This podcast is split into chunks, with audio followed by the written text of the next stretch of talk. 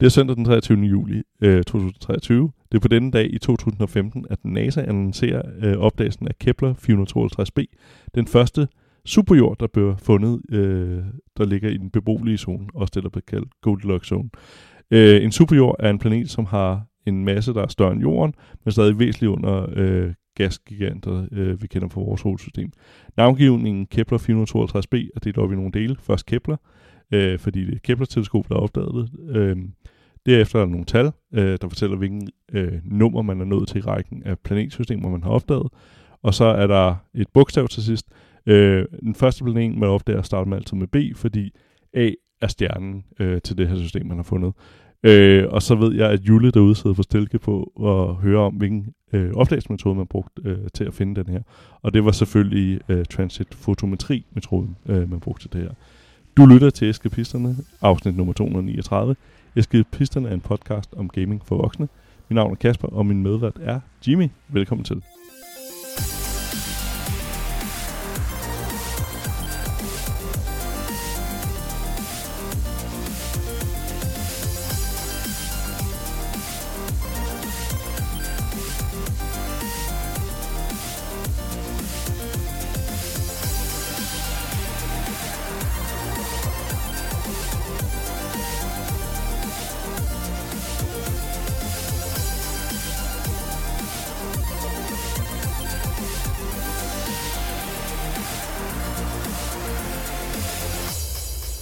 Jeg vil ikke spørge, hvad transitfotometri er, fordi Jamen, det er jeg glad for, at du spørger om. Præcis. øh, nogle af de første metoder, øh, man brugte til at opdage eksoplaneter, der, hvad hedder det, der kiggede man på, hvor meget en stjerne rykker sig, fordi ligesom en, hvad hedder det, øh, solen har stor påvirkning på grund af masse på, hvad hedder det, planeterne, så er de jo også omvendt en lille påvirkning den anden vej, øh, altså fordi masser påvirker hinanden for Newton. Øh, så når en lille planet fører rundt om en stjerne, så kan den faktisk trække en lille smule i det, og så brugte man en wobble, øh, altså hvor meget stjernen wobbler, og så regner man tilbage med, hvor stor den masse, der kører rundt. Så, øh, hvad hedder det? Fotometri. Det lyder farligt gammeldags. Ja, og så er der, at man rent faktisk tager et billede, altså hvor man retter en, hvad hedder det, en, øh, hvad hedder det for eksempel, hoppet, rettet mod nogle forskellige stjerner, og så var heldig at få et billede. Det opdagede man meget få på. Men Kepler-teleskopet sendte man op, og så kiggede man direkte på stjernen, og så når en planet fører ind foran stjernen, så giver den en lille øh, sænkning i, hvad hedder det, i lyset, ligesom hvis du fører en hånd op foran et, et lys. Det gør jeg nu. Ja, så kan man, det er faktisk den metode, man har brugt til at finde rigtig mange de planeter. Det er det, der er det ved det. Så det er ikke, øh, det, det er faktisk meget, meget simpelt. Så giver ordet transitfotometri jo faktisk mening. Præcis. Nej, godt.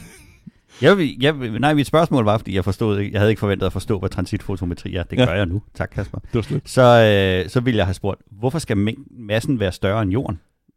Øh, det, er ikke, det, det, det, det, er ikke noget, man gerne vil have. Okay. Øh, det er jo bare, fordi man vil gerne finde noget omkring, og så fordi, at den ligger i, hvad hedder det, den beboelige zone, og den er større end jorden, så kalder man den superjord. Ah. Så det er ikke fordi, det er super på den måde, at det er super øh, fedt, men det er bare...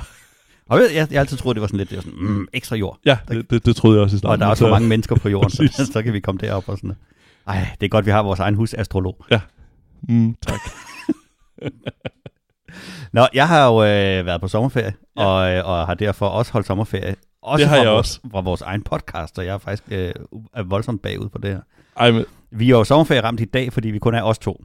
Og vi se, om vi kan, om vi kan snakke nok til det en, en time, men det håber jeg. Ellers bliver det for kortere. Jeg Ja, tænker men ikke, altså, vi der er behøver at tvinge den ud i en time. Men der sker meget jo. Øh, og det er ikke tagbold, du mener. Det, det gemmer vi til jule også er her, så, så kan vi snakke om det. Jeg har sat tag, min gamle bil havde tagboller på, men det er simpelthen så kedeligt en det er historie. content, så det er slet content.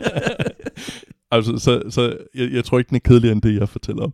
Øh, det første, der sker, det er, at øh, Activision Blizzard, øh, fortsætter altså øh, Acquisition, øh, og øh, hvad hedder det, de har opdaget, at det går ondt at trække spil fra Steam, Øhm, fordi med Call of Duty, øhm, der, forsøg, der trak de fra Steam øh, omkring Call of Duty Black Ops 4 i 2018, øh, og så holdt man fast i den strategi i fire år, og man fik ikke nogen, altså øh, der kom ikke flere til. Altså platformen, man kunne ikke trække dem over. Det var ikke et trækplaster nok. Der er simpelthen ikke nogen, der skiftede over til deres launcher. Nej, Det er godt, det er jeg glad for at høre. Øh, Jeg så- hader launcher. Jeg hader launcher lige Ja, så meget, præcis. som jeg hader forskellige streamingtjenester. Og det, det, øhm, og det, det er noget, de har brugt som argument øh, i, i retssagen omkring, at når det er ikke nok til at trække folk over i forhold til... Altså Microsoft kan købe det, de kan sige, når man Call of Duty ikke trækker pladser nok til bare at få folk til at installere en anden stykke software på en PC, så skifter de nok ingen helt konsol. Så det er bare endnu et, hvad kan man sige, af de her... Øh, Uendelige retsargumenter for, Ja, at ja, de skal få lov til at tjene ja. fantasiliarder. Men apropos det, øh, og launchers og så videre, så har Blizzard sagt, at de, øh, de er gået ud og lyttet til deres øh, brugere, øh, eller spillere. Nej, det gør Blizzard ikke. De påstår det, Ja, ja, at øh, hvad hedder det, deres direktør har sagt, at øh, while Battle.net remains a prior, priority for us now and into the future, we heard the uh, players want the choice of Steam for selection of our games. Og der er det jo værd at bemærke, at de har hørt på deres brugere. Jeg er rimelig sikker på, at de har sagt det siden cirka, hvornår var det, at øh, Steam kom? 2000 eller sådan noget. Øh, så, så de er måske meget langsomme om at høre, hvad øh, deres bror siger. Men øh, det der også, at han jo siger faktisk allerede der, sommer for games, hvorfor skulle man ikke ville have alle spillene? Så det, der er allerede nok der noget, hvad kan man sige, noget begrænsning i, hvor mange spil der kommer. Men det, der ligesom er humlen det her, det er, at Steam har tænkt, eller Blizzard har tænkt sig at sætte nogle af deres spil på Steam. Øh, og det, de starter med, det er Overwatch 2, som kommer den 10. august. Og så er der ikke melding om mere, men der er jo flere, der selvfølgelig i Hearthstone en oplagning, en, øh, at de, de vil sende over der. Så that's it. Det var... Nå ja, og så en rigtig vigtig ting. Star Trek Lower Decks, sæson 4, den kommer den 7. september i år. Så det tænker jeg lige var en vigtig ting at få med. Jamen, jeg, havde, øh, jeg er jo simpelthen så langt bagud, så, øh, så jeg har lige været i London, og der er jeg der er plastret reklamer overalt for Star Trek uh, Strange New Worlds. Ja, sæson 2, der er gået i gang. Den, er har du, snak, den har du snakket om. Ja. Ja. Det, kan jeg, det kan jeg forestille mig. Den får vist enormt god anmeldelse. Den er også virkelig god. Øhm, det, man kan sige, hvis, hvad den minder om, så minder den om, jeg tror mange har sagt også, hvad kan man sige, det er den tidsperiode, den handler om. Det, den handler om en original series, øhm, og den er meget klassisk Star Trek. Øhm, så, så, hvad hedder det, ja, en, øh, hvad hedder det, den der historie om ugen øh, og så, ja, fyldt med gode skuespillere, og, øh, og, og sådan lidt mere klassisk i sin, i sin Star Trek-fortælling, end, end nogle af de nye, som har meget store overlappende historier for, for hvad hedder det, et, et, et, hvad hedder det, season arcs og sådan noget. Øh, så den er her Altså dem der klassisk. julehader, hvor man er nødt til at, at, at kende kanon, inden man kan se den, for Mhm. at forstå den. Ja. Okay, ja. Og, og det, øh, det er også, hvis jeg skal anbefale Star Trek til folk i dag, så vil jeg sige, at øh, enten tage Strange New Worlds som øh, startting, øh, fordi det er meget classic øh, Star Trek, eller så tage Lower Decks. Øh, det er jo den måde faktisk, øh, øh, hvad hedder det, min kone Elisabeth blev interesseret i Star Trek, fordi hun har altid synes, det var sådan lidt fjollet, øh, hvilket det objektivt ikke er. Men øh, da vi sad, sad og så Lower Decks, som er Fjollet. skrevet, ja, og skrevet af nogle af dem fra, hvad hedder det, øh, historieforfatteren fra Rick Morty, Ja. så var det en nem indføring i Star Trek. Øh, og det, oh, der ja. er fint ved det, det er, at den faktisk tager mange af tingene op, men også ligesom tager lidt pis på det. Øh, men det gør, at du lærer rigtig mange ting om Star Trek, og det er jo, en, ja, det er, synes jeg i hvert fald, en interessant historie, så det er også en rigtig god måde at starte på. Så det, det er lidt sjovt, det er faktisk de to nyeste serier, som er egentlig bedste måde at komme ind i Star Trek, synes jeg i hvert fald. Øh, så ja. Og nu er jeg jo øh, så håbløst bagud, så igen, nu ved jeg ikke, om jeg snakker om noget, der er blevet snakket om før. Men der er lige droppet en øh, trailer her for nylig til øh, det nye Spider-Man 2. Ja, Og det kan jeg ikke forestille mig, I har snakket om. det har vi ikke, nej. Nej. Og, øh, og, og så havde jeg sådan en underlig øh, déjà vu-agtig oplevelse, fordi min datter er blevet meget interesseret i, øh, i Spider-Man, har på meget, meget kort tid øh, spillet Spider-Man-spillet på Playstation fuldstændig igennem. Øh, Er det det første af de nye Spider-Man, eller Miles? Eller det er præcis det, jeg vil snakke om. Ja, okay. Fordi, fordi så vidste jeg, at der var kommet et Spider-Man Miles Morales, og så havde, øh, havde jeg hentet det frem fra Game Pass til hende. Og nu vil hun gerne, nu er hun ved at have spillet det igennem, og vil gerne spille noget mere Spider-Man. Og så blev jeg en, enormt forvirret og begyndte at lede ned i, hvad er der så bagefter af Spider-Man-spil, og hvad er Spider-Man 2 til Miles Morales, eller til, til alt muligt andet.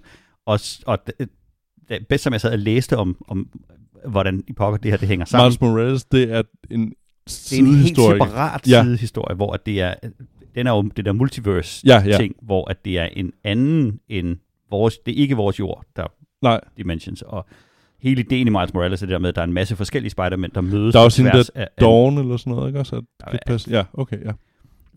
Og det, der var mærkeligt, det var bedst, som jeg satte og satte mig ind i det her, så tænkte jeg, det var da egentlig spøjst, fordi ganske få minutter efter, at jeg, jeg begyndte at danne mig et overblik, så kommer der en fantastisk øh, artikel ind på Polygon, som hedder What does Spider-Man 2 even refer to anymore? og hvis man nu tænker Spider-Man 2, computerspillet, Ja, så kan det være, at man taler om Amazing Spider-Man 2 fra 1992. Det kan være Spider-Man 2 fra 2001. Det kan være Spider-Man 2 fra 2004. Det kan være, øh, hvad er vi nede i, Spider-Man 2 fra 2014, fra øh, 2023. det er den der filmene. 2018, ikke også? Ja, Det, det vil, jeg vil tro, Det er det er den, man Spider-Man. refererer. Ja, det er den, det er den der ligesom kom på, øh, på Playstation, hvor de, hvor de lavede øh, det der fantastiske øh, med at hoppe rundt i byen og svinge sig i sit net. Jamen, og jeg, jeg købte dem nemlig, fordi at det, det var det, jeg hørte om, Ja. var, okay, det er det første gang, at det havde været et godt Spider-Man-spil. Og det var virkelig godt. Ja. Øhm, og bagefter så kom der så et, der bare hedder præcis det samme. Marvel Spider-Man, colon, Miles Morales. Og det er så det. Og nu i oktober, så kommer der så Spider-Man 2. Så hvis man troede, at, at mængden af film, der er jo ni Spider-Man-film, øhm, som, og de når aldrig særlig langt, før de rebooter den. Det er jo det, der, er problemet. Ja. Spider-Man skal jo være sådan en, en ung, frisk fyr, og når det tager dem en, en 3-4 år at lave en film, så, så bliver han jo meget gammel meget hurtigt. Jamen, og så var der jo også, når de bare var utilfredse, når de ikke kunne lide skuespilleren, fordi var det ikke også ham der, Andrew Garfield, som jo. gjorde det rigtig godt, som Og han, super fed. ja, som kom til at sige et eller andet om en Sony-direktør eller et eller andet, så fik han vist sparket. så, re, så, så bliver det til et reboot. Reboot! og det er jo problematisk, fordi at, at ja, jeg, jeg ved godt, det er en død hest, jeg tæver løs på, men, men hold kæft, den historie er blevet fortalt mange gange. Men det er ret skægt at se, når, når nye folk skal ind i den her franchise, hvor exceptionelt forvirrende det er at, Ja. ja. at, at kigge ind i sådan et. Hvem af dem er Spider-Man? Ja, skal du høre lidt skat. Det, det er et stort spørgsmål, og så har de allerede tabt interessen. Anyway, der, øh, vi glæder os til, mig, til, til Spider-Man 2, fordi at øh, de har, Gwen var det, jeg tænkte på hende der. Insomniac Games har, har virkelig ramt den der øh, Spider-Man ånd rigtig, rigtig godt. Og det, det, det tror jeg kom, bliver, til, bliver til noget... Øh, det Var der ikke også en eller anden fremtids uh, Spider-Man på et tidspunkt? Helt, helt Ja. Langt over mit forståelses... Øh, mit Men forståelses uh, der var kommet trailer. Kan man ikke spore sig ind på, hvad, altså, hvor vi er henne? ja, jeg kan ikke. Nej, okay. Yes. Øh, der er nogen, der hopper rundt. Meget, meget Spider-Man. -ish. Meget, øh, meget Spider-Man Ja. Den har helt sikkert noget, øh, noget fed historiefortælling og alt muligt andet. Men de tager jo... Øh, de har lavet et enormt godt travel-system, når man svinger rundt i byen, og et enormt godt combat-system, hvor du kan, du kan være, du kan være exceptionelt sådan Marvel, eller hvad hedder det, Mortal Kombat-agtig god til det, eller du kan bare sådan trykke lidt rundt, og, og den, den fanger rigtig godt, hvad det er, du vil Mm. gøre. Øhm, så, så man er ikke sådan helt håbløs ligegyldigt, hvordan du, hvordan du spiller. Så, så selv hvis du ikke er, er verdens største kontrolspiller, så får du stadig en fornemmelse af at være rigtig god til at være, at være Spider-Man. Det er, det, er, det er rigtig, rigtig fedt lavet. Jeg tror ikke, der er så mange flere nyheder. Nej, det, jeg, jeg kiggede det. Det, det var lidt, det- uh, det er som, der er indtruffet noget sommerferie. Så Ja, altså der sker jo, der sker jo rigtig, rigtig meget. Øh, hvis man savner lidt drama, kan man læse ind i, øh, i Diablo 4, men det, øh, det kan vi komme er der ting, at gerne har, har nogle ord, han vil sige om det. Så. Altså, der er jo kommet øh, i, i ugen her, der gik, der er, har de jo startet sæson 1. Der er kommet en patch, som folk ikke er, er sindssygt glade for. Først kom der en patch, øh, lige før sæson 1. jeg. Nå, Der kom okay. der en patch, som ingen folk var særlig glade for. Og øh, folk var faktisk så lidt glade for den, så at øh, de nu har udtalt, we don't plan on doing a patch like this ever again. We hear you loud and clear. og det er sjovt, fordi Blizzard er jo, er jo bare med den her patch ufatteligt tonedøv over for, hvad det er, øh, folk ved. Øh, men, men de fik, de fik meget flak. Øh, der var selvfølgelig nogen, der synes det var super fint. Men, men jeg tror, 99% af alle kommentarer, jeg har læst eller hørt, eller hørt folk snakke om, synes ikke, det er sjovt, at alt bliver nerfed. Og, øh, og en af de ting, de har gjort, så er det hele vejen across the board, har de gjort alt, næsten alting svagere. De har sat XP'ene ned for ting. De har gatekeepet nogle ting. Øhm, og hvis man kigger ud over det som sådan bredt, så er det meget nemt at få det hele til at ligne en timesync. Simpelthen, at folk de masede for hurtigt igennem mm. det der Mm. content, øhm, og så øh, og, og, og endte et sted, hvor de så ikke rigtig havde nogen grund til at, at sidde, altså blev level 100 for hurtigt, Ja. basically. Og når de så laver det, sekundet inden der kommer en season patch, hvor at de jo selvfølgelig helst vil have, at folk skal spille det nok, til at når de er ved at være færdige med det, så kommer season patch 2, så skal mm. De købe den, og så skal de købe patch 3, og så videre, så er det meget svært for communityet ikke at få det til at ligne en sammensværgelse omkring, at der skal timesyncs. Mm, og det, er ja. helt, det helt store, der har været i øh, snak om, om Diablo 4, her, det, det store kritikpunkt er, der er ikke noget endgame.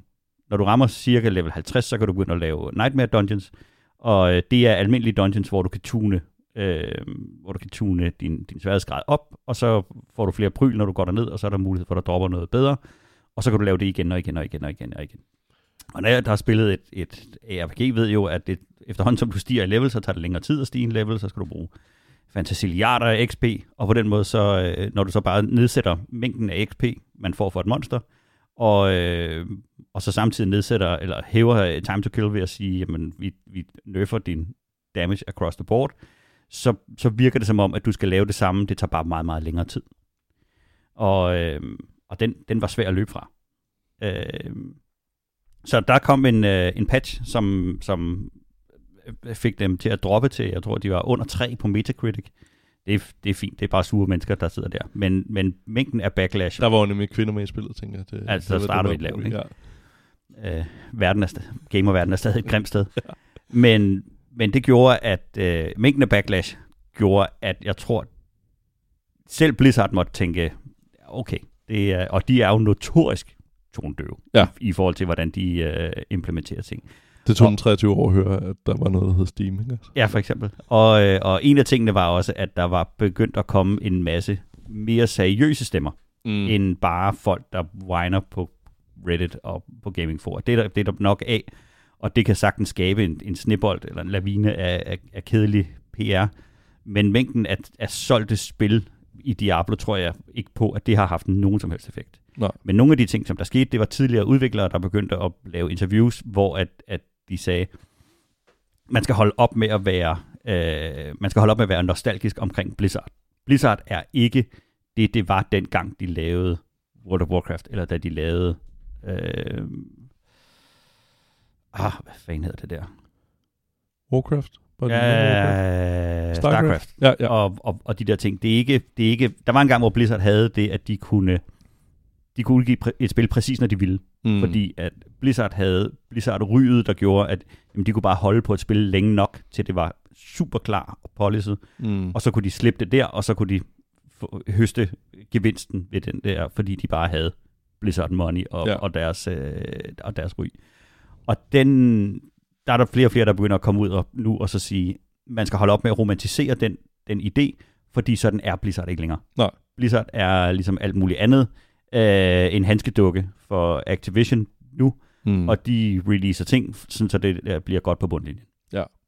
Og hvis, at, øh, hvis de har fået at vide, at øh, jamen prøv at høre, spillere de kommer for hurtigt igennem vores spil, øh, vi kan se, at de dropper ud, og de brokker sig for meget over, at der ikke er noget endgame, få det til at tage længere tid.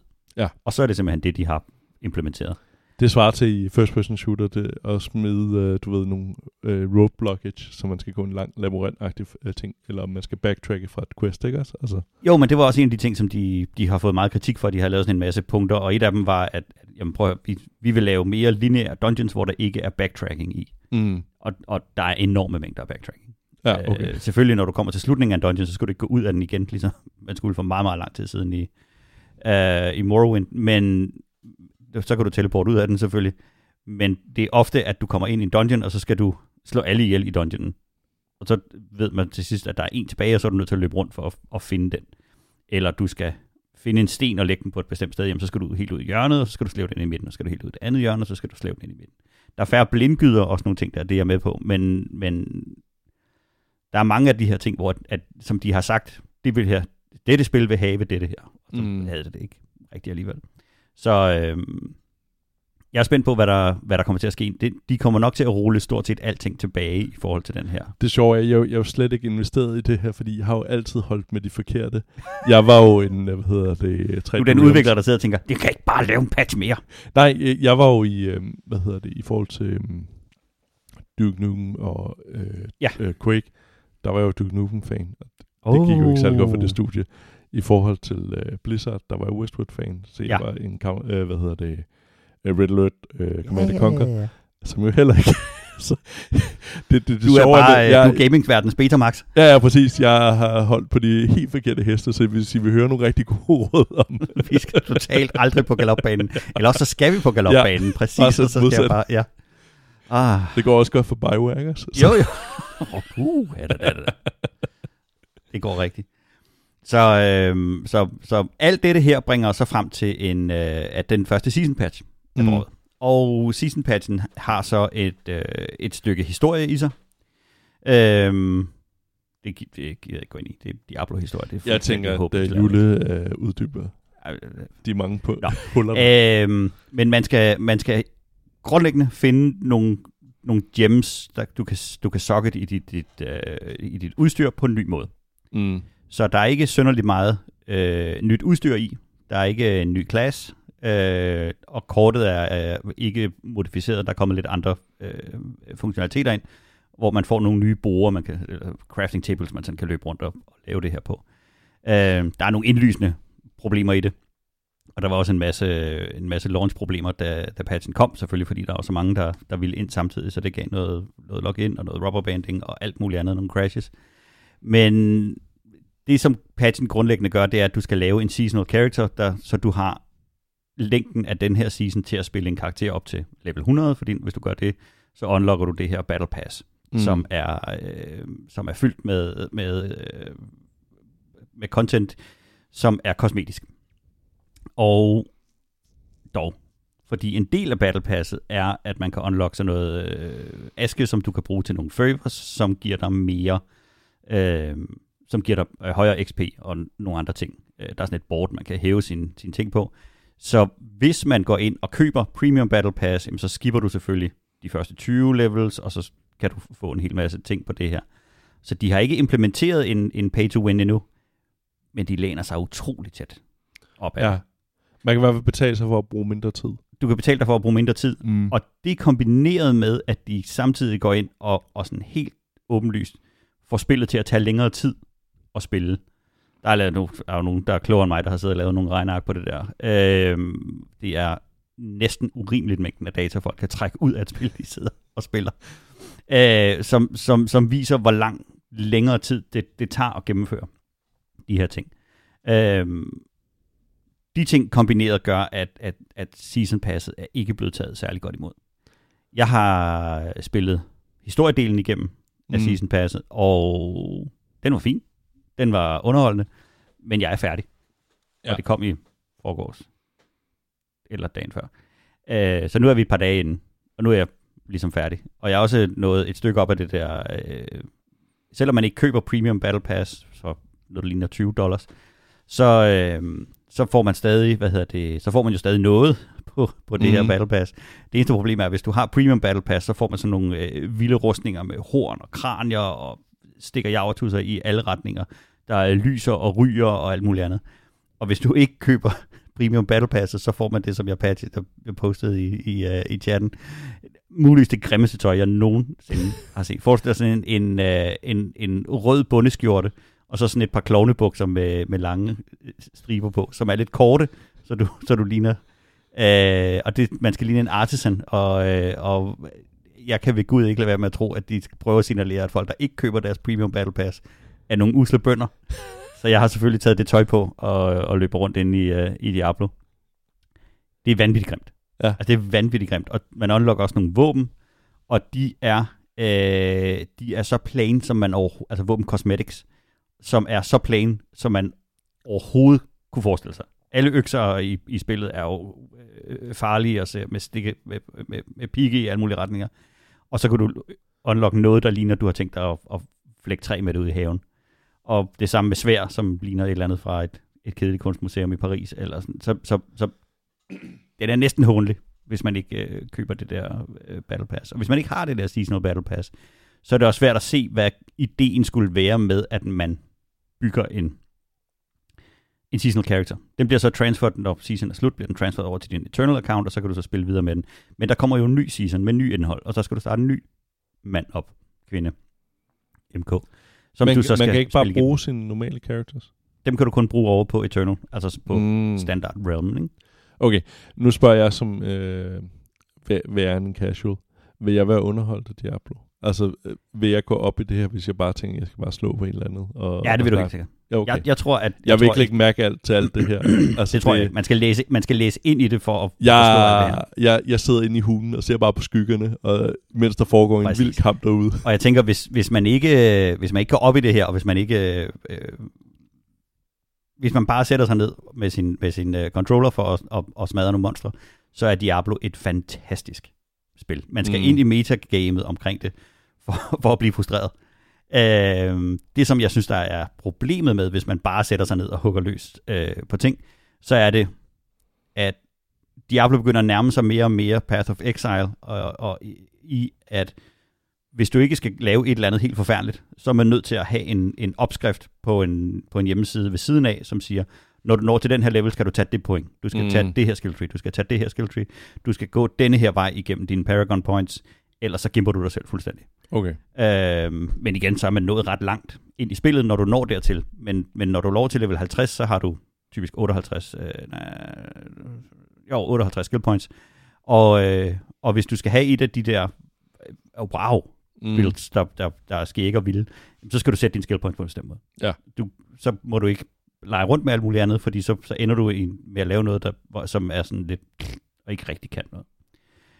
Øh, og det bliver så meget værre, når du når til Paragon Points, så skal man sidde det, sætte dem ind på, på den rigtige måde. Jeg er det er sikker også det, man jeg kan. synes sådan bliver lidt sådan underligt omkring det, fordi at det gør jo det der med, at jamen, så ender vi jo bare alle sammen med at lave de samme, Ja. fordele de 58 point samtidig, så, jamen, så autosign det, eller et eller andet. Fordi, Der er ugens meta, ikke? Ja, ja. Og, øh, og når de så går ind og laver en, øh, en nerf på det, og siger, øh, der var et eksempel, øh, min Necromancer, som er nogle af 70 i et level, han kan vel give et par tusind Mm. mm. i, i skade, sådan for ligesom at sætte det i, øh, i, i, i relief. Øhm, så kan han lave det mange gange og hurtigt og alt muligt andet, men vi, vi ligger der omkring nogle, nogle tusind. Øh, der var et druid build, som kunne give lige knap 2 milliarder i single damage. Øh, og det, det kan jeg godt se, det skal de måske ind og skrue på, fordi det er nok ikke meningen. Nej. Og det var det jo helt klart ikke, fordi der var nogle, fejlen var, der var selvfølgelig nogle ting, der, der når de ganger den her skade Det ud, var så jo var ligesom der nogle det der, steder, man så de der one kills i, i Elden Ring, de lavede det der, hvor at Ja. de kunne stakke alle de der ting. Præcis, der. og, det, og, og, og når vi er i de her Blizzard-spil, jamen så, så er det jo, jeg er helt sikker på, at, at FromSoft havde regnet den der ud, men når det er Blizzard, Mm. så er det jo helt klart en fejl, Ja. ja. hvor de har, i stedet for at sætte procent, der kommer til at sætte gange, eller mm. et Mm. eller andet ind, i den der, et eller andet sted. Det skal de rette, og det er jo, det er jo super fint. Øhm, der var en, et problem, hvor at, øhm, de havde lavet en fejl, og der var nogle Uber Legendary, der droppede øh, utilsigtet, og der skal jeg love for, der fik de vækket deres, deres developers midt om natten og rettede det på en time. Så de kan godt, hvis de godt vil, men, men det, det skal kun være, hvis det ikke skal være sjovt. Så, øh, så, så hvis man bare gerne vil banke løs på ting, så er det her spil utrolig polished, og det kører smooth. Øh, jeg synes bare ikke, det, det, det giver nok. Fordi. Nej. du skal lave de samme ting igen og igen. Ikke? Og så er der nogle, nogle, når du så starter din season 1, så skal du, de har været meget flinke og har givet dig nogle af dine waypoints med, og de har givet dig noget, dit kort er åbnet op. Mm. Men, men det betyder, at du skal stadig ride rundt, og du skal stadig lave alle de samme sidequests igen. Du skal stadig lave øh, alle de samme ting en gang til, for at nå op på den der mæ- mængde. Så det er, ikke, det er slet, slet, slet ikke nok, at du går ind, og så spiller du seasonal content, og så tænker du, uh, det kunne underholde mig i lang tid. Nej, det holdt tre dage, og så går du, er du tilbage i det samme grind game. Men er, har du spillet Pa- Path of Exile? Ja. Er problemet eller udfordringen for Blizzard ikke også, at, hvad hedder det, Path of Exile, sådan som jeg i hvert fald forstår det, har jo siden Diablo, kom det ikke lige før omkring Diablo 3 eller sådan noget? Jo, siden to af dagen. Ja. Øhm, sådan som jeg har forstået det, øh, en af mine venner spiller Path of Exile rigtig meget, de spiller i hvert fald hver gang der er season, så virker det som, altså, de har jo udgivet kontinuert i rigtig, rigtig, rigtig mange år. Altså, de får bare rigtig, rigtig meget erfaring, hvorimod at Blizzard, når man lukker sig nede i kælderen, og kun kommer med et pip en gang hver 15. år, eller hver 10. år, Ja. så kan du også komme meget ud af synk med din øh, brugerbase, og som samtidig en brugerbase, som får helt urealistiske høje forventninger til. Du kan ikke indfri det på nogen måde, ikke også? Nej, og du, du ender jo i det der, altså man ender jo det der med at sejre sig selv ihjel, ikke? Mm. Og, øh, og man vil gerne lave et spil, som er nyt. Ja. Vil gerne lave et spil, som, som ligesom har en, en kant og, og kan noget andet. Og så, så, så man har ikke lyst til at lave Diablo 2 igen, når du skal lave Diablo 3. Du har ikke lyst til at lave Diablo 3 igen, når du skal lave Diablo 4. Mm. Men, men der, hvor de får rigtig, rigtig mange hook, så er det, at vildt mange af de ting, der fungerer rigtig godt i Diablo 3, har de ikke taget med til Diablo 4. Fedt. Alt det fede fra Diablo 2 tog de ikke med til Diablo 3.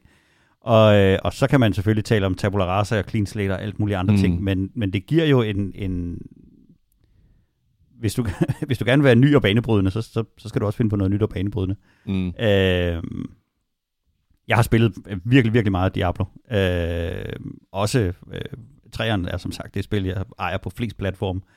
Øh, og, og firen er også...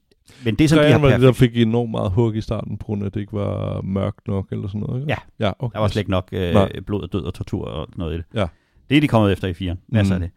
Men, men det, som Diablo er, det er, det er en meget, det er en meget, meget simpel øh, opskrift Mm. loot grinder, ikke? Du skal, du skal slå monster ihjel, så stiger din mand i, i, i MK i XP, og, øh, og der dropper fedt loot, du kan putte på, sådan, så de ser vildere ud, og de øh, kan slå flere monstre ihjel hurtigere.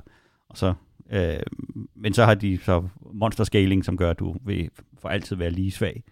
Øh, og så videre, så videre, så videre. Så, så, men, men Men jeg har lavet et godt spil. Altså, det er ligesom, at øhm, det er svært at... Nu for sammenligning med helt andet, det er svært at gøre fodbold meget bedre. Altså, så der, der kan Ja. komme nogle små justeringer på det.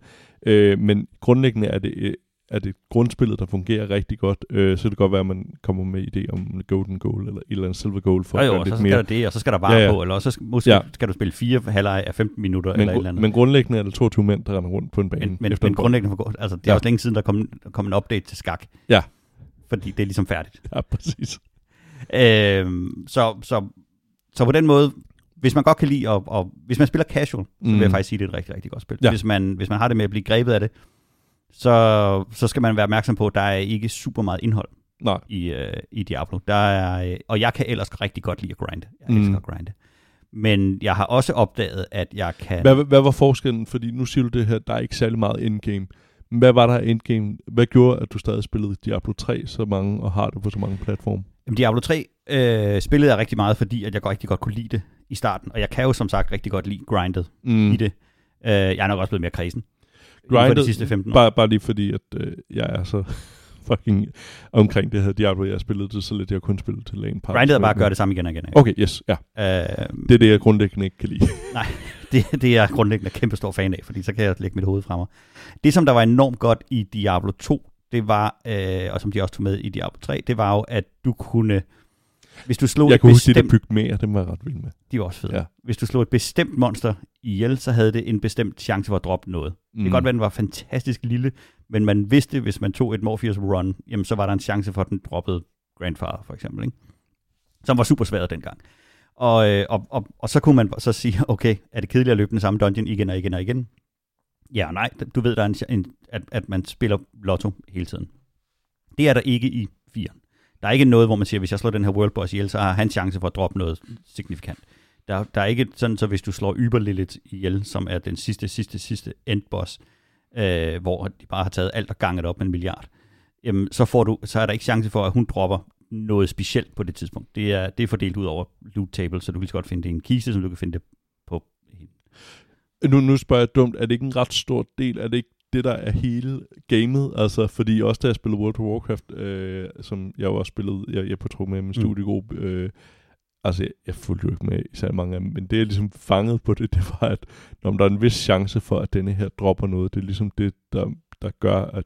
Jo. At, Og, for, okay, okay, og ja. det synes jeg jo er fedt. Jeg kan godt lide, at hvis man skal slå en bestemt boss ihjel, eller løbe en bestemt svær dungeon, eller et eller andet. Her der er det eneste, der, der hvis jeg forstår det rigtigt, det er det eneste, der gør, det kapper, at nogle bestemte ting kan, kan komme, hvis du spiller i en bestemt world tier over level 85, for eksempel. Så Mm, hvis du spiller Torment over 85, så kan der droppe noget særligt der. Men det er det, der gør, om du, om du er, er i gang eller, eller ej.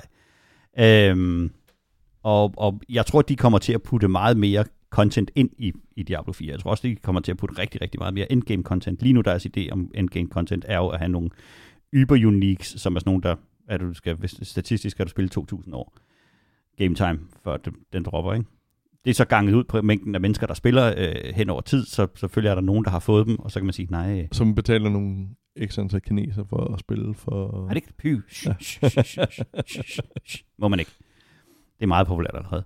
Øhm, så jeg tror, at, at jeg tror, at Diablo bliver rigtig... Altså, Diablo 4 skal nok blive enormt godt over Mm. tid, og enormt fyldt med content og alt muligt andet. Jeg synes bare ikke, det er det nu. Nå, Og, øh, og en anden ting, jeg kan mærke, det er, at når jeg, når jeg sidder ned, og jeg kan godt lide at grinde, som sagt, når jeg sidder ned og spiller, jamen så, øh, så det lykkes dem at perfektionere den der narkoman-oplevelse, hvor man bare kører, man bliver bare ved, man mm. bliver bare ved, og man bliver ved. Man kan altid lige tage en dungeon mere, man kan altid lige gøre, man kan altid lige køre den en gang til, og en gang til lidt sværere, og at, at, dropper der så noget til mig nu, dropper der så noget til mig nu. Og de sidste mange, mange, mange, mange timer, jeg har spillet Diablo, har der ikke droppet noget, jeg kan bruge til noget som helst. Øh, og, og, og det har taget meget ud af det. Og nu sad jeg og spillede det så sent som i går, og det sidste, jeg gjorde, inden jeg gik i seng, var faktisk, at jeg afinstallede det. Fordi at, at det tænkte, så har jeg ikke trangen til at sætte mig ned og bare øh, køre, mm. Køre jerndødt, for jeg, jeg, jeg fik ikke rigtig Du blev for opmærksom på, at du rent faktisk sad bare og lavede øh, det samme på en eller anden måde. Ja. Øh, men jeg blev nok også for opmærksom på det. Ja. Øhm, og chancen, til, chancen eller, eller muligheden for, for en, en belønning lå simpelthen for langt væk. Og min fejl i forhold til det er nok, at jeg har læst omkring statistikken for det, og jeg har læst, hvad andre folk siger, jamen, hvad er det? Nu er min season Spiller character, tror jeg, noget omkring 35. Og, og, og hvad er det, jeg har at se frem til? Mm. Øh, Og, og, og i og med, at jeg blev bevidst om det, så tænkte jeg, det gider jeg egentlig ikke. Mm. Så Ja. ja. det, blev, det blev et Diablo-tungt øh, øh, øh, afsnit. Selvom at vi ikke har, øh, har jule med, som også Ja, har en- jeg, t- jeg tænker, der kommer nogle... Øh, Jeg glæder mig til, at det, der kommer noget... Øh, Jule har jo spillet meget mere Diablo, end jeg har, så det glæder vi os til at høre om. Og der skal vi måske lige sige, at vi ved ikke, om det bliver næste uge, vi kommer, eller om det først bliver om to uger, men så er vi tilbage i en, forholdsvis normal rytme, så har vi afviklet ja, noget så sommerferie. er der og noget sommerferie Ja. afviklet. Vi får se. Ja. Måske får I et afsnit på søndag. Måske gør I ikke. Nå, Hvad har du spillet, Kasper? Okay. Og kæft, der blev snakket meget Diablo. ja, det gjorde der. Øhm, jeg har spillet Ultra Kill på Steam Deck. Jeg brugte jo formået at bruge, var det 200 euro på øh, Steam-salet? Øh, Godt det var, gået. Jamen, det var fordi, jeg stokkede op med ting. Øhm, jeg, jeg tog en del, hvor jeg kunne se, okay, det var Great on Deck. Øhm, jeg købte Cyberpunk, øh, som skulle være Great on Deck. Øh, jeg har ikke fået spillet det endnu. Hvad gav du for det? Øhm, 25 euro, tror jeg. Øh, det synes jeg var okay. Og god handel. Øh, og så købte jeg System Shock. Ja. Og Dejligt spil. jeg købte øh, Dead Space, øh, som jeg også tænkte, at øh, jeg, jeg skulle prøve at klare mig igennem. Jeg har allerede set nu, det er ret uhyggeligt at, at gøre nogle af de her ting, jeg kan lide sådan en lidt alternativ dimension. Øh, men øh, så fandt jeg en side, hvor den, øh, de snakkede om nogle af de oversete perler på øh, Steam-salet. Og der, der købte jeg også et par stykker. Og så blandt andet købte jeg det, der hedder Ultra Kill, som er et... Øh, grafikken minder lidt om ja, Quake 2, Quake 1, sådan midt imellem der, og så samme hastighed. Øhm, og det, der ligesom var det vigtige på den, det var, at jeg kunne køre den på, på Steam Deck.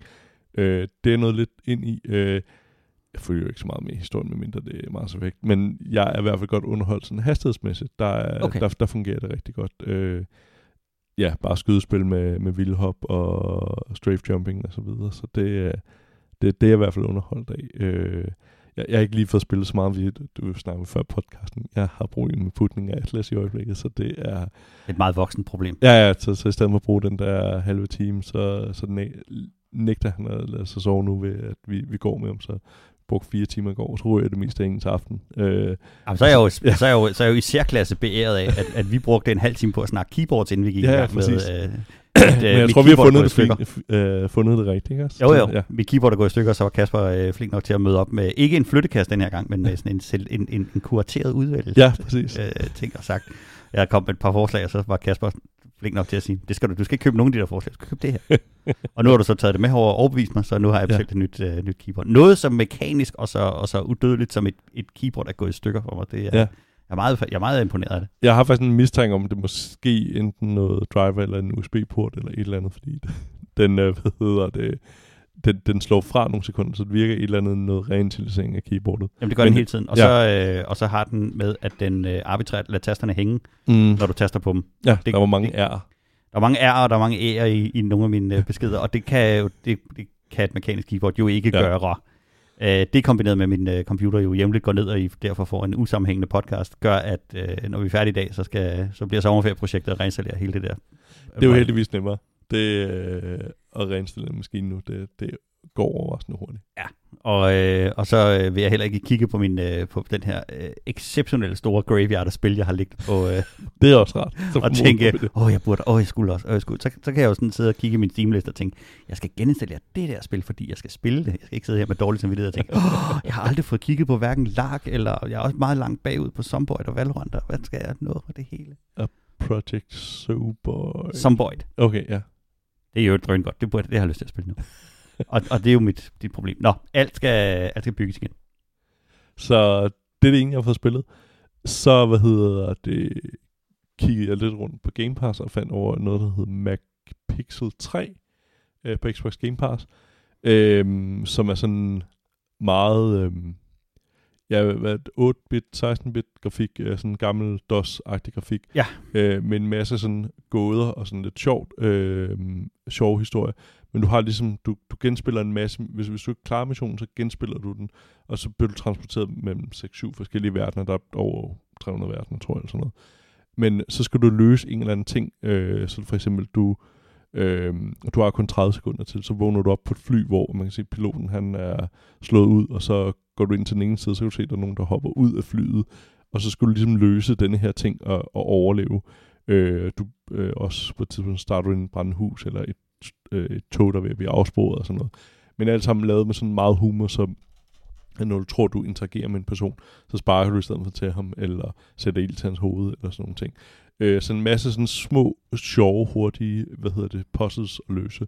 Øh, også nogle, hvor jeg blev godt frustreret over, men øh, i sådan ret humoristisk og sjov stil, øh, og den ligger på Game Pass i hvert fald gratis. Øh, jeg tror også, jeg så den til okay. På Steam. Øh, den, jeg tror du i hvert fald, du vil være underholdt af den. det lyder som noget, jeg kunne lide. Øh, men, og, og tager en masse sådan genkendelige ting. Der er også en, hvor du lige pludselig bliver, apropos øh, rein- reinstalleringer, så hvor du bliver transporteret ind i Windows øh, 95 øh, desktop og skal løse et eller andet. Så det er, det er ganske underholdende, og der, der er sådan oh, nice. forskellige ting, du kan gøre øh, undervejs, hvor du får åbnet op for nogle øh, muligheder. Men det er altså kun i de 30 sekunder, så det er, der, der er fart på os. Øh, så det, det har i hvert fald været ret underholdende. Du har simpelthen et halvt minut til at løse det problem, man er blevet sat. Ja, ja, men du, du, du bliver ligesom...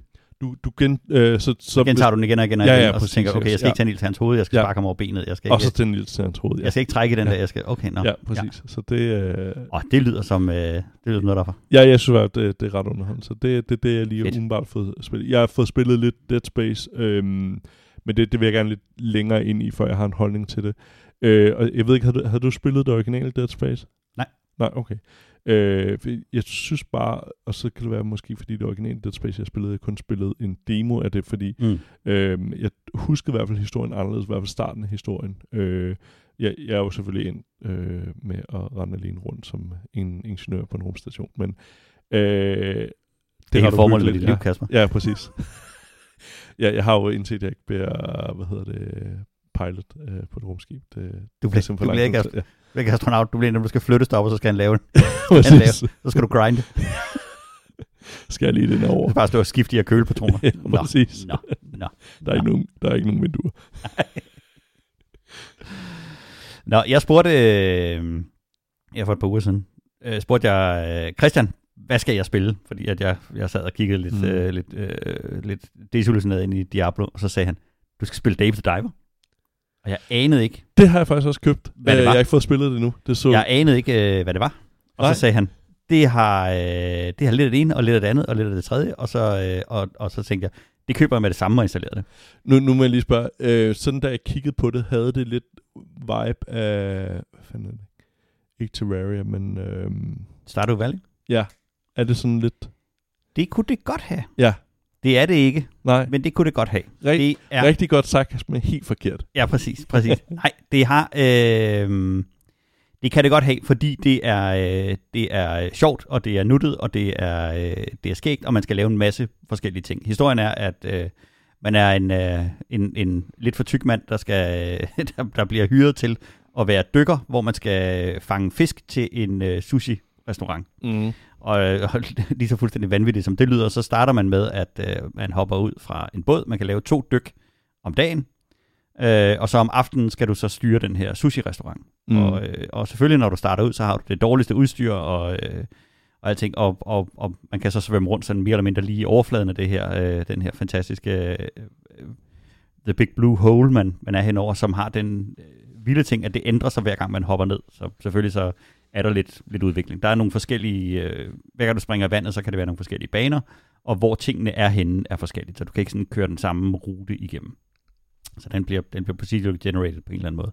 Ideen er så, fanger du en masse fisk, og så om aftenen, så skal du så have din, din sushi-restaurant. Og så tjener du penge på at være i øh, sushi-restaurant og løbe frem og tilbage og give de her kunder mad. Og det er jo effektivt nogle minigames, hvor du skal hælde grønt te op, eller du skal servere noget mad og løbe hen, og, så skal du rive noget wasabi, hvis de løber tør for det. Og der er sådan lidt mange ting, man skal holde styr på, men overhovedet ikke på en frustrerende måde. Mm. Øh, det er meget, meget tilgivende, og, og derfor også meget, meget skægt og sødt. Er det PC, du har spillet på, eller på Ja. Steam? Ja.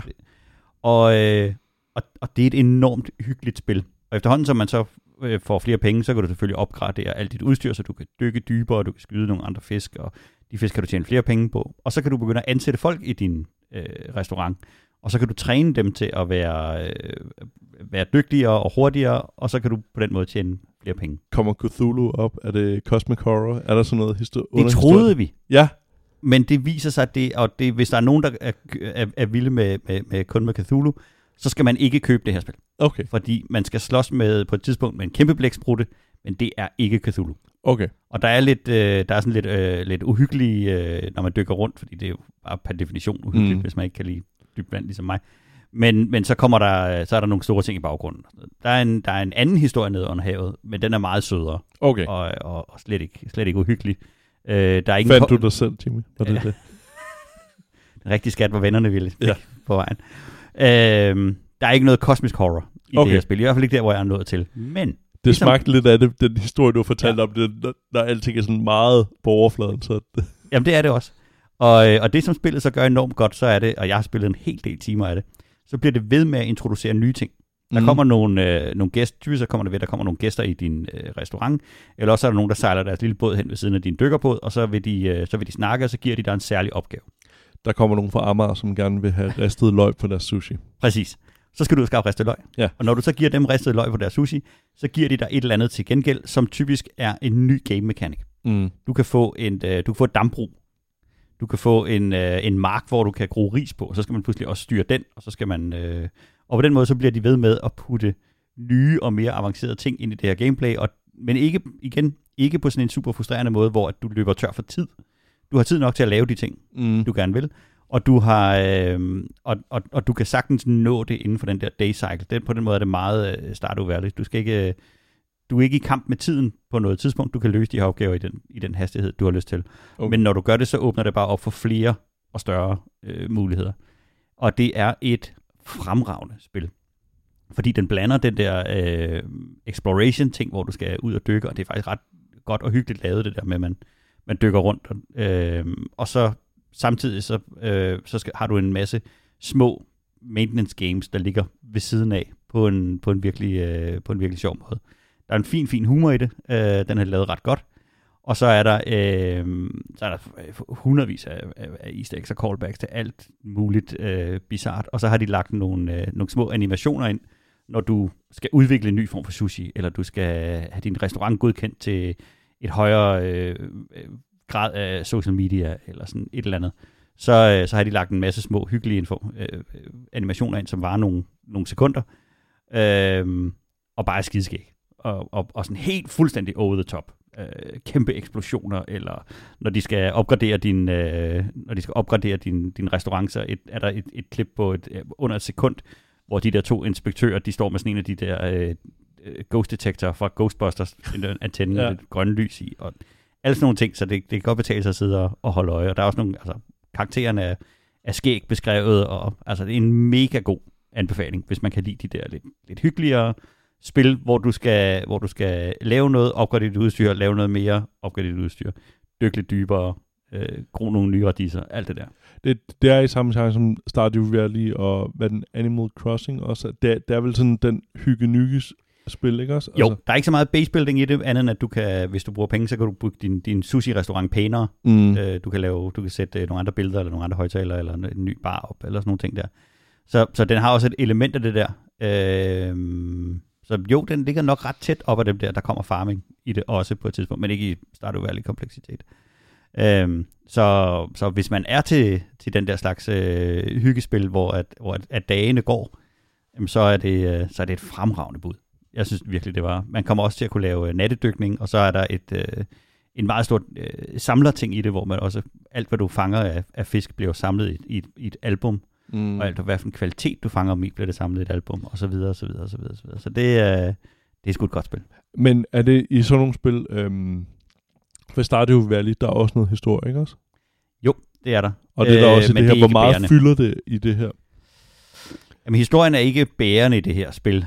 Øh, udviklingen er, at du bygger din sushi-restaurant bedre, og så kommer der nogen, der giver dig nogle flere muligheder. Så Okay. der, der, der så er du, du kan bare form for- fokusere på den del af det. Du behøver ikke, hvad kan man sige, reelt set at være så indved. Nej, okay. Nej, slet ikke. Der er slet ikke historie nok i at være involveret i det. Det er der heller ikke i Stardew Valley. Meget af det, der bygger Jeg du selv. Graveyard uh, Keeper også. Jeg Præcis. også. Eller også det samme, ikke? hvor at, at øh, det, er den, det, er den, det er din daglige gentagelse, det er den der Mm. trummerum, der ligesom er det charmerende, og, og, og det i det, som skal være godt. Ja. Og det er godt i det her spil. Okay, Så der er sgu ja. ikke noget... Øh, der er ikke noget altså det kan jeg virkelig, virkelig anbefale. Ja, ja. Hyggelig det- øh, pixelgrafik, som selvfølgelig er, øh, er, er modificeret. Så der er 3D-sprites og, og alt muligt Ja, ja, andet i det. Men, øh, men, men på overfladen, øh, det der hyggelige øh, LucasArts øh, pixel Ja, look, ja. De, de bruger. Virkelig godt spil. Jamen, det skal jeg starte op. skal, jamen, jeg tror, du vil kunne lide det. Jeg synes, det er rigtig, rigtig hyggeligt. Så tror jeg ikke, vi har spillet mere. Nej. Så skal der anbefales. Ja, ja. Jeg så Ja. reklamer for Foundation 2, Ja. da jeg var i London. London er bedre til at reklamere med øh, kultur, Mm. og øh, end, end vi er i, i Danmark. Så Ja. en meget stor del af alle reklamer, der er de der kæmpe billboards, det er for øh, musicals, film eller spil. Ja. Øh. Og hjemme der er det for opvaskemidler og forsikringer. Ja. Jamen, jeg, jeg tror også, hvad fanden var det? Nej, det var... Nej, men jeg tror faktisk, hvis du skal have nogle af de der, så skal... Øh, og det er også, hvad, hvad, også spilreklamer, så er det metroen, du kommer til at se det i et feed, fordi vi sidder Det var også Ja. ja. det, jeg så. i, øh, hvad hedder det? Vi ser, øh, hvad hedder det, transportmiddelfilm med Atlas, så vi havde lige været ude at køre med S-tog, og så vi, vi bor også tæt på S-togen, så det er jeg glad for, når jeg ser. Så vi var ude en dag og så brugte på at køre S-tog, og så kørte vi metro og så videre. Og så vi kom hjem, så sad vi så og så nogle videoer med det, sådan ligesom, nej, det lavede jeg tidligere. Og der, øh, hvad hedder det, så jeg i den, øh, nogle af de der tognørder der, der rejser verden rundt for at se mm. De forskellige tog, hvor så også noget metroen og filmer også stationer og så videre. Og så var der nemlig reklame på Picard, der også kørte der på, øh, i metroen nemlig. Så jeg synes, det, det typiske metroen, jeg har set nu, tager jeg jo primært kun S-togen fra Allerød til Nordhavn station, så man, jeg kommer ikke så meget ned under det, men når jeg kører, så synes jeg mere, at jeg ser, hvad kan man sige, lidt, jeg er mere undergrunds, øh, hvad kan man sige, reklame på en eller anden måde. Det kunne være, at det er billigere at reklamere, reklamere der.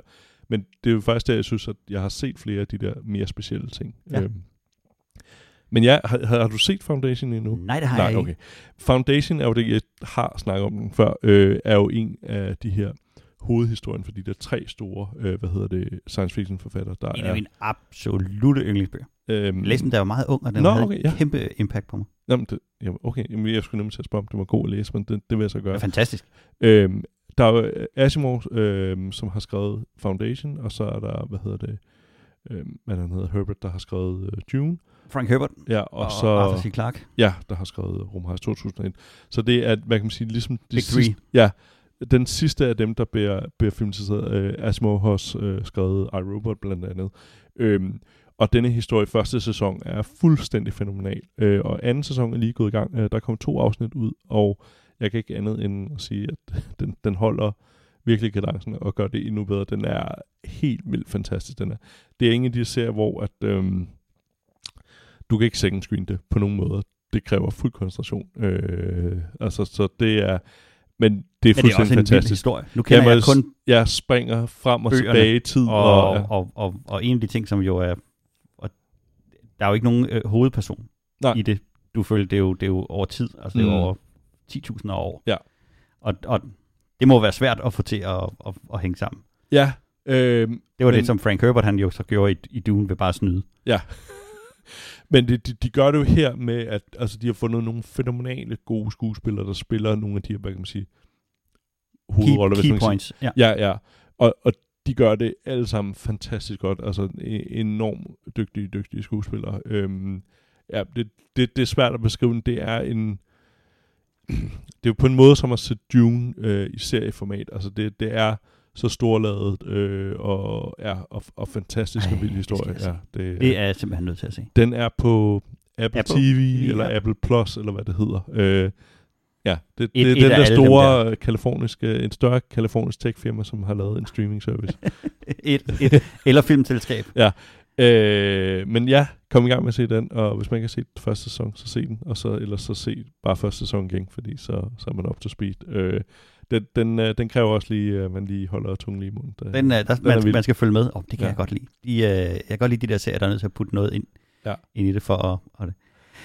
Jamen, jeg har været ude og, øh, jeg har været ude at flyve, og øh, når jeg er ude at flyve, så kan jeg godt lide at se dårlige film. Så får jeg set de film, jeg troede, som... du, du skulle anbefale uh, snakke om forskellige trans, uh, transportmidler. Jamen, øh, så skal du bare tage, så bare tage dig med og flyve. Det, er, ej, det er ikke en god oplevelse. Man skal aldrig tage børn med i en lufthavn. Jeg hader lufthavn, paradoxalt nok. Apropos det øh, med Lufthavn, så øh, var jeg så heldig at få billetter til øh, Taylor Swift i Sverige. Øh, to ja. Ja. billetter, og der, der, der må jeg så sige, der er... Tay-Tay. Ja, Tay øh, jeg, jeg havde skrevet mig op til at komme i den der kø der, øh, og lande på øh, plads 63.000. Øh, og der kan være omkring 60.000 i øh, Stockholm øh, Friendship Arena, og hun har tre koncerter op. Øh, så da jeg kom igennem, så, hvad kan man sige, Skal var alle de normale, for 180.000 mennesker? Så var alle de normale billetter udsolgt, dammit, men så, så havde jeg jo heldigvis voksenløn, plus at den svenske krone står rigtig dårligt, så jeg købte to gange VIP øh, til det, så det, det meet and greet. Øh, nej, Kan det du tror jeg, Taylor Swift? nej, det, det, Ej, tror jeg ikke. Øh, Hun kommer tæt på, kan jeg se, i forhold til, hvor vi skal stå. Men det, det der var med omkring transportmiddel, det var jo, at så, hvad hedder det, vi tager toget op, fordi at det tager fem timer.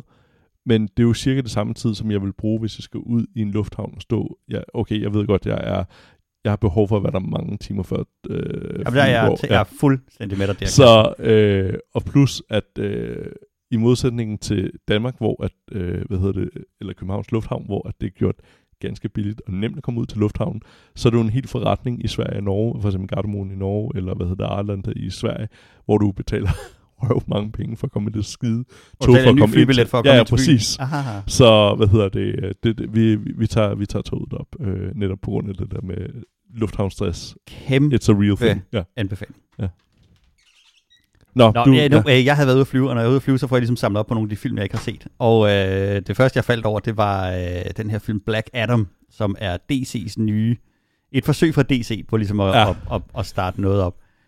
Øh, med The Rock. Og øh, jeg kan så se efterfølgende, at The Rock han er en af, af hovedproducerne på den her, den her film, så han har selv lagt rigtig, rigtig mange penge i.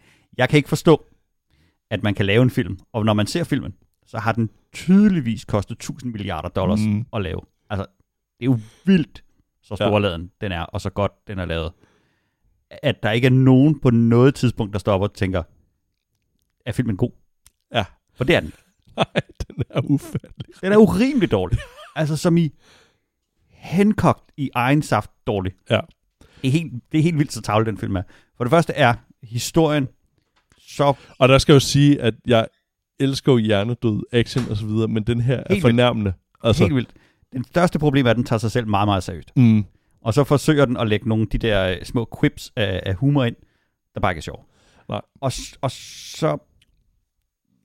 øh, Historien er så absurd kompleks. mm, Øh, og, så, og så samtidig, de har forsøgt at lave en meget, meget gritty actionfilm ud, hvor The Rock han bare myrder folk i vildt, altså flår dem over og, og, og kaster dem til højre og venstre. Øh, samtidig med, at det er jo et, øh, og det er jo der, hvor det så nogle gange klasser sindssygt meget for mig, fordi jeg er blevet rigtig gammel, det er, det er jo et børneunivers mm. Altså, det er, jo, det er jo lavet til tegneserier til børn, som ja. De så skal lave til noget rigtig, rigtig hårdt og ondt. Og, og, og jeg har svært ved at, at abstrahere fra, at når The Rock siger Shazam, så får enten får han eller mister sine kræfter. og og det, det er sådan lidt... hvis, du, hvis du skulle lave, øh, hvis du skulle lave en, en øh, øh, hvis John Wick sagde hokus pokus, så kunne han pludselig ikke mere. Og, og, og, så skulle man trigge ham til at komme til at sige det. Eller sådan noget. Jamen, det er, og, og så er historien bare dårlig. Ja. Altså, den er helt sindssygt dårlig. Men det, det, det, nogle gange så tager de de der story arcs, som fordi tegneserierne har kørt hen over 35 år, Mm. og er endt i, i noget, som objektivt set er vanvid. Mm. Så tager de den, den, den sidste store story arc og ligesom filmatiserer den. Det samme de gjorde med Suicide Squad, Ja. hvor at ideen om en flok vanvittige mennesker, der bliver sat sammen til at skulle lave noget, den første Suicide Squad, bliver sat sammen til at skulle lave noget, noget åndssvagt, men så skal de kæmpe mod en udødelig heks fra fortiden. Hvad? Ja. Hvorfor det? Hvorfor ikke bare tone it down a bit? Ja. Og det, øh, det er sådan ligesom, det, er det er som om, der er 15 mennesker, der har skrevet den her mm. samtidig, og så har de haft ubegrænset mængder af kokain, og ingen har måttet sige nej. Altså det er ligesom, når Metallica skriver musik. Mm. Du må ikke kritisere, hvad de andre har lavet. Det skal bare, det skal bare være sådan, og så film må du bare putte det ovenpå. Øhm, og Ja. ja. kæft, hvor er den film dårlig. det, det er vel også det, der, hvad kan man sige, DC jo som, øh, og det er ikke for, hvad hedder det? Og Jo, DC, kom. DC, okay.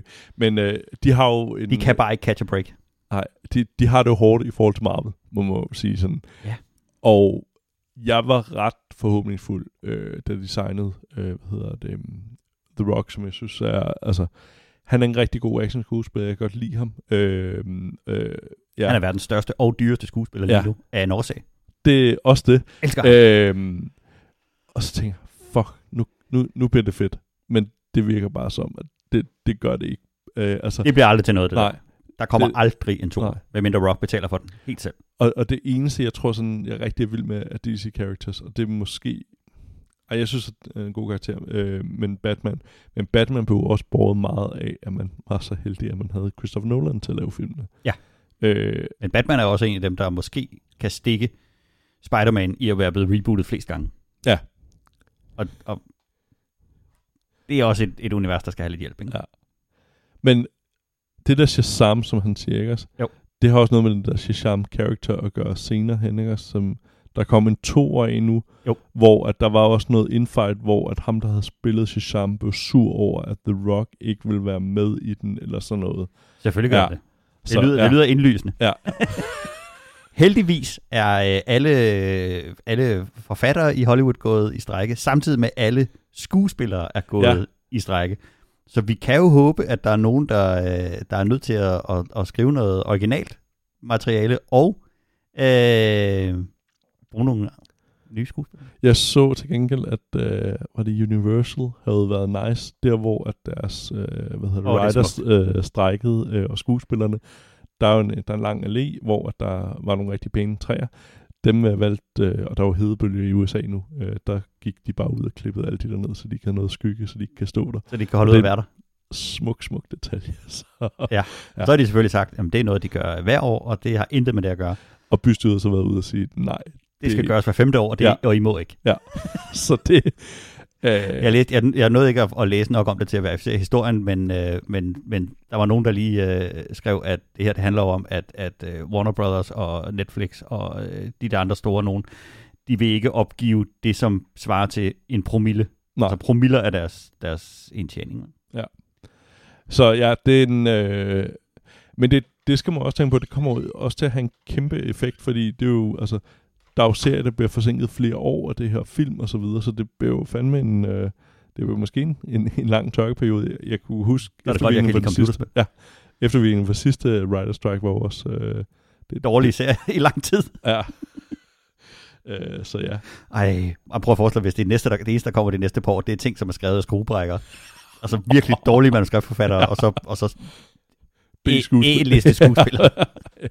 Åh oh, nej. Oh, det kunne være godt. Jeg glæder mig allerede. Så ligesom de sidste par uh, Bruce Willis film, øh, der hvor de fik narret ham, øh, en, altså de der sidste par film, han, han lavede otte film eller sådan noget, med Ja. nogle meget onde, hvor man tænker, hvad fanden, er, er der et eller andet, har han slået hovedet? Det havde han så. Ja, øh, det var jo helt vildt forfærdeligt, altså de der, jeg, jeg så en Men var det ikke, fordi han var, havde fået, hvad var det, Parkinson eller et eller andet? En, nej, et eller andet med A. Øh, en, han har fået... Alzheimer? Ja, nej, ikke uh, Alzheimer, men han, er, han, er, han, er, han er i kæmpe forfald. Altså, Ja. og, og hans hjerne Jeg har ikke han, jeg skal lige sikre, øh, jeg skal lige sikre øh, pensionen. Ja, altså det...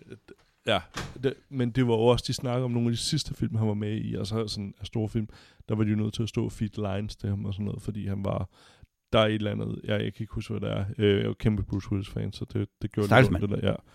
Jeg har en anbefaling mere. Ja, endelig. En uh, dokumentar, der hedder Unknown Killer Robots på Netflix. Unknown Killer Robot. Ja, Unknown, Ej, unknown og så- colon Killer Robot. Ja. Ja. ja, så er jeg med. Øh, og den kigger på AI og militærbrug.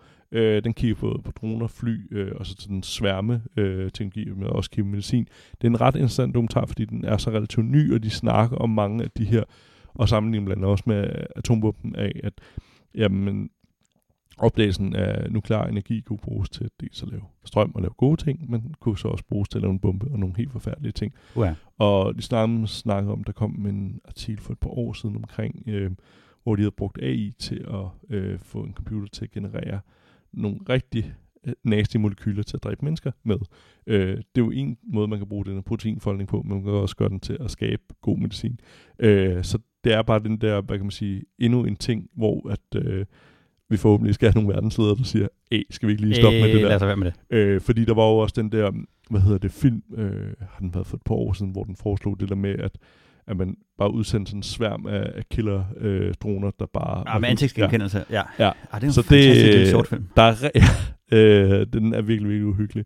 Øh, men, de, men de snakker om det her, og hvor langt de er kommet i nogle af de her ting, og det, blandt andet de snakker om at udstyre nogle af de her fly med AI, fordi at et, når man så, hvad hedder det, et, et menneske er rigtig dyrt at erstatte nu i krig, man vil gerne helst, det jo også derfor, man øh, i, i primitiv brug sender robotter ud til at aktivere de her ID-devices i, Ja. i krige, øh, fordi når man så røger der bare den robot, hvis man lige pludselig, hvad kan man sige, kan skalere sin fly op så mange gange, og den vinder ud af, hvad var det, de sagde, 99,99 procent mod de allerbedste piloter, så ændrer det jo helt vildt. Men det, de også snakker om, det er det der med, hvem trykker på aftræk, hvem tager beslutningen om at dræbe, og hvor beslutningen ligger henne. Øhm, men det er en rigtig interessant øh, dokumentar. Den tager en time og 10 minutter eller sådan noget, og ligger på Netflix. Den, øh, den er i hvert fald meget aktuel i forhold til, til hvad der foregår i øjeblikket, så det, øh, den kan jeg anbefale. Jamen, jeg, var lige, øh, jeg havde lige sådan et, øh, et kort øjeblik, hvor jeg ikke var bange for, øh, for klimaet. Fordi at øh, AI jo kom og ville slå os alle sammen ihjel på, på meget, meget kort tid. Og det gav sådan en underlig ro i maven. Øh, indtil det er klimaet ikke det, ja. sagde, øh, hold min varme øl. Ja, Og så begyndte det så at slå os alle sammen ihjel i en fart, hvor at, AI overhovedet kan følge med. Ej, det, Så, øh, så vi skal alle sammen dø. Det, tipping, er- tipping point er, er noget nasty det, noget. det, det, det, er længe, længe Ja. overstået. Det er, det er forfærdeligt. Apropos forfærdeligt. Ja. så ej, ikke forfærdeligt. Men jeg, øh, jeg fik også set øh, John Wick 4. Ja, Og jeg er... Kan I være, jeg er verdens største John Wick-fan. Ja. Jeg synes, at, at øh, karakteren er god. Jeg synes, at det hele, det hele holder. Jeg synes dog, at, øh, jeg synes, øh, at, at, at toeren blev øh, lidt vildere, treeren blev øh, meget, meget vildere, og nu er fireren blevet øh, ret, rigtig, rigtig vild. Og kernen i, i John Wick er jo, at John Wick suffers. Han, han lider, og han slår sig, og han, Mm. øh, han bløder, og det gør ondt på ham, og, øh, og, og det var ligesom det, der var den der meget gritty øh, action-helt ting, de begyndte at, at lave. jeg var ret overrasket over, da jeg så den, fordi jeg havde forventet, da jeg skulle ind og se dem også ligesom med den der Nobody der. Ja. Der, jeg troede ikke, de kom til skade. Øh, hvad hedder det? De der, hvad hedder det? Helte. Heltene der. Oh, så det, det, det, var, ja. Det var ret overrasket både over med John Wick og Nobody, at uh, de, de slår sig sådan, hvad fanden, hvorfor tog han? Det gør ondt, det gør ondt Ja. når de slår på folk og sådan noget. Det var, Det det var var, virkelig, virkelig godt. Øhm, problemet, som jeg ser det i, den her, i de her serier, og det som der, man, man er så er endt i, i firen her, det er, at du skal jo altid overgå det, der er sket før, fordi det, Mm. skal, være, det skal være vildere. Der er nogle scener i, uh, i John Wick 4, som er fantastiske. Hvis, Mm. man, hvis man kigger isoleret på det, og så tænker, hvordan pokker har de lavet det? Hvordan, hvordan pokker har de... Ja, for det første, det er rigtig, rigtig godt tænkt. Øh, virkelig, virkelig flot lavet. Og Keanu er en, et brag af en, af en actionhelt, og en meget, meget stor personlig favorit for mig også. Men, men problemet, når de skal overgå det andet hele tiden, jamen, så er de nødt til at lave det, lave det vildere. Og nu er de endt i noget, der Er det Fast and Furious-syndromet, de lider under? Ja, det er det. Ja. Og de er endt i noget, der minder om børn, der leger på en legeplads. Mm. Så ja, de, de, de slår hinanden, og så gør det ondt og sådan noget. Men de har alle sammen kevlar-tøj på. Ah. Hvilket vil sige, at hvis du ligesom løfter armen op med din, foran dit ansigt, så er du bare skudsikker. Eller hvis du ligesom løfter dit jakkerevær op foran dig, så er du skudsikker. Og så kan du bare blive skudt på. Og det tager rigtig, rigtig meget ud af det her John Wick-univers, som mm. var det her nitty-gritty ting i, uh, i, i, i etteren. Fordi det er jo helt tydeligt at se, at de her, det her tøj, de har på, det er skræddersyet jakkesæt, mm. som er under en millimeter tykt. Men med kævler i. Og det ja, og, men kævler er blevet sådan en tryllord ja. i den her serie, ikke? Fordi hvis du skal have klasse 4 protection... Det kæp, kæp, det kæbler. Hvis du skal have klasse 4 protection, så, så er det jo, altså, det er jo, det er jo tomme tyk mm. øh, kævler, eller også så taler du deciderede stålplader, for at det skulle kunne tage det her. Og det det tøj, de har på. Det kan jeg godt afsløre, det er det ikke.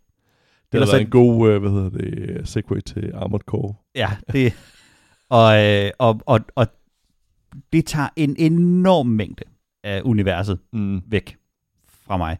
Og en anden ting er også, at nu det endt i at blive, og jeg kan godt lide stunts, men nu det endt i at blive sådan en, det er bare en kavalkade af stunts, mm. hvor at stuntsene bliver lavet for, at det skal se vildt ud, og du fjerner al realisme. Jeg ved godt, at, øh, at, at hvad hedder det, øh, at franske øh, er dårligt, franskmænd er dårlige at køre bil, ikke så dårligt mm. som dansk folk er, men, som danskerne er, men, men, men de er jo legendarisk dårlige øh, til at køre bil, og det er jo vældig sjovt i en film.